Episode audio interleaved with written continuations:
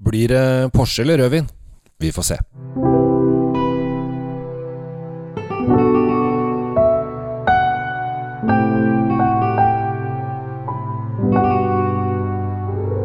Hei og hjertelig velkommen til en ny episode av eh, Kjell Svinkjeller. I dag så er tallet 912.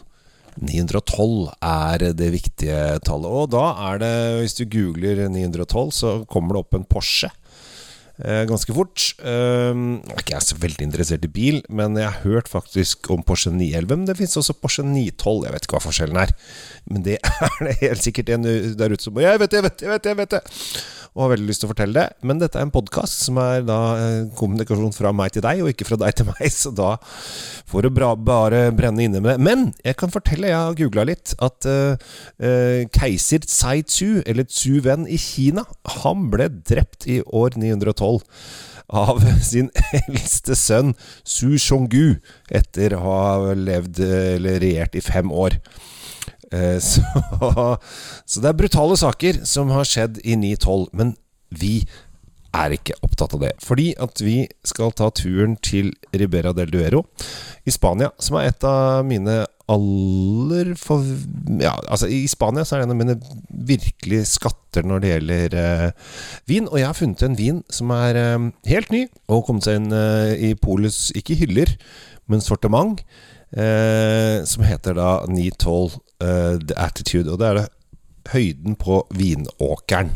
Og da begynner det å bli ganske spesifikt, når du liksom uh, prøver å si høyden på vinåkeren. Og det er kanskje ikke så rart, fordi at uh, i Ribera del Duero så ligger stort sett vingårdene mellom 700 og 800 meter.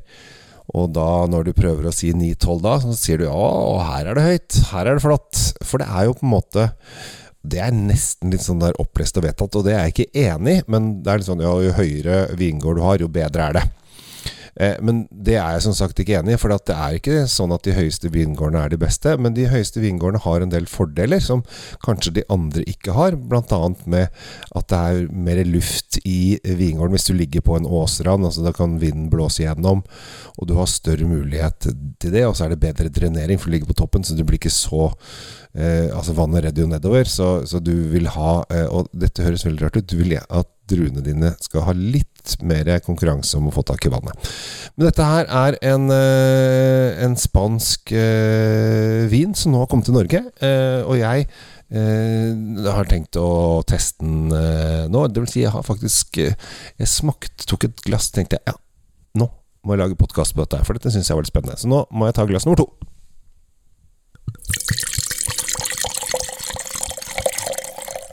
Fordi at jeg syns det er gøy med spansk rødvin, og veldig mange Når man tenker spansk rødvin, så tenker man Rioja og Tempranillo.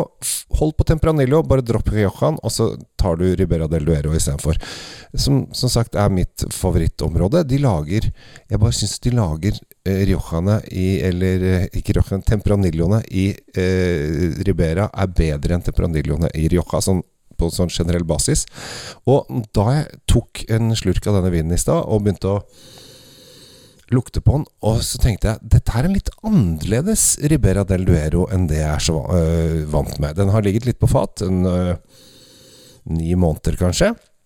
Og den har øh, en del mer moden frukt enn det jeg forventa meg. Fordi at veldig mange Tempranilloer fra uh, Ribera del Duero er litt sånn skarpe i stilen, og litt sånn syrlig og friskt, men her har de latt det få lov å komme mye fat. Du kjenner at det er varme frukter, du kjenner at det er litt sånn rund, moden uh, fruktstil på det. Og mm. På nesen helt akkurat før jeg tok sluken, så kjenner jeg også litt sånn kaffe, mokka, sjokolade. Og når du får den i munnen, så har den en veldig fruktighet som er liksom på sødmestilen. Og det er litt uh, fascinerende. For som regel så er det litt sånn stilkete, litt uh, kraftig, litt sånn. Men her har du ganske sødmefull vin. Og for dere der ute som liker at vinen skal ha litt mer fylde, runde, uh, skal være litt sånn mørk frukt i stilen, så er dette helt, helt topp for dere. Jeg Skulle nok kanskje ønske at den hadde litt mer eh, syrlighet i seg, men den har en deilig sødme. Så jeg, jeg tok et glass og tenkte på ah, dette her er skikkelig behagelig. Og eh, jeg, jeg, sitter hjemme, eh, og jeg har sett på fredagsunderholdning, gullrekke osv. Og, så og tenkte at dette her er Når jeg fikk den glasset, bare åh, perfekt som fredagsvin. Eh, den kunne passe veldig godt hvis de har hatt noen skinker og oster og sånn også. Og ikke minst hvis du har noe kjøtt, men det har jeg ikke. Men den er også helt perfekt til bare sitte og, og, smånyte, for den har ikke disse strenge tannintonene som gjør at den snerper seg og du blir tørr i overleppa. Den har ikke så mye av det. og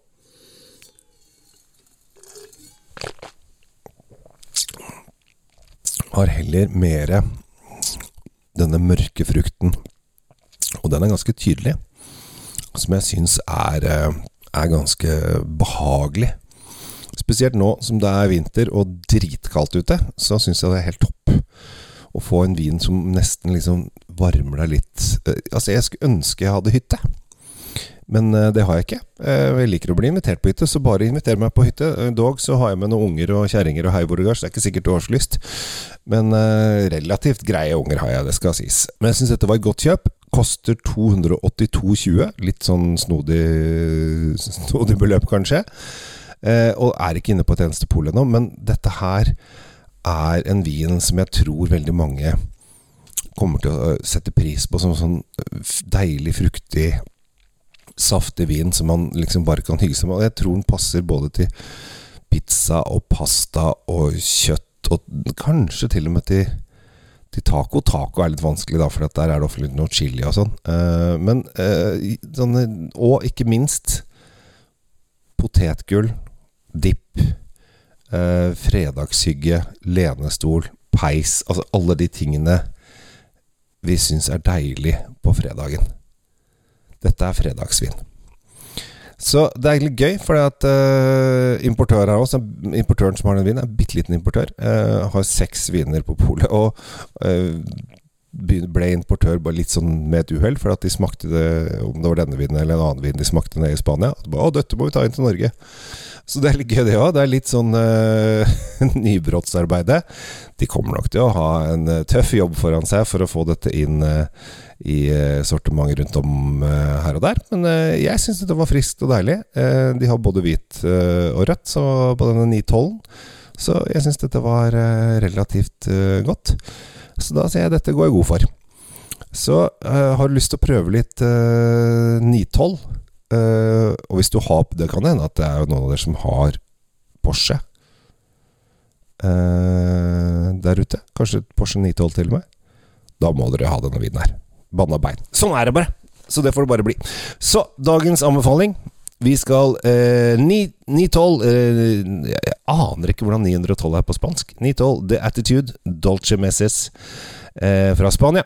Ribera del Dioro til 282,20. Så da har du noe å kose deg med. Jeg syns det er gøy å prøve nye viner, og dette her syns jeg var en skikkelig, skikkelig fin vin. Eh, dog mye sødme, så hvis du liker litt sånn syrlige friskviner, så er det kanskje ikke din greie. Men hvis du liker litt med en sødmefull, uh, rund og jeg, Altså, jeg har fortsatt litt sånn vann i munnen når jeg smakte på den for litt siden kjenner at den sitter lenge. Det liker jeg. Så med det så skulle jeg bare innom, jeg, på en liten tirsdag og friste deg litt med litt vin. Og det håper jeg at jeg kommer til å fortsette med. Eller jeg vet at jeg kommer til å fortsette med. Håper at du kommer til å sette pris på det også. Jeg har fått uh, tilbakemeldinger på den der episoden jeg hadde om uh, vinmonopolslippet. At jeg rota litt rundt, og det var veldig vanskelig å følge med. Og det beklager jeg. Uh, det, når du skal snakke om 37 viner på en gang, så blir det ofte litt uh, rotete. Jeg mener at jeg burde kanskje lagt en større plan, og kanskje det er vanskelig for dere å se hva jeg ser. Så kanskje jeg drev og forklarte ut fra at jeg trodde dere så hva jeg så. Det vet jeg ikke. Men uh, jeg, jeg, ris, ros, kom med det. Bare send meg mail på kjell at Kjell Svinkjeller. Uh, og er det noe dere lurer på, eller noe jeg kan hjelpe til med, så er det også bruke den adressen. Jeg heter Kjell Gabber Henriks. Tusen takk for meg. Ha det bra.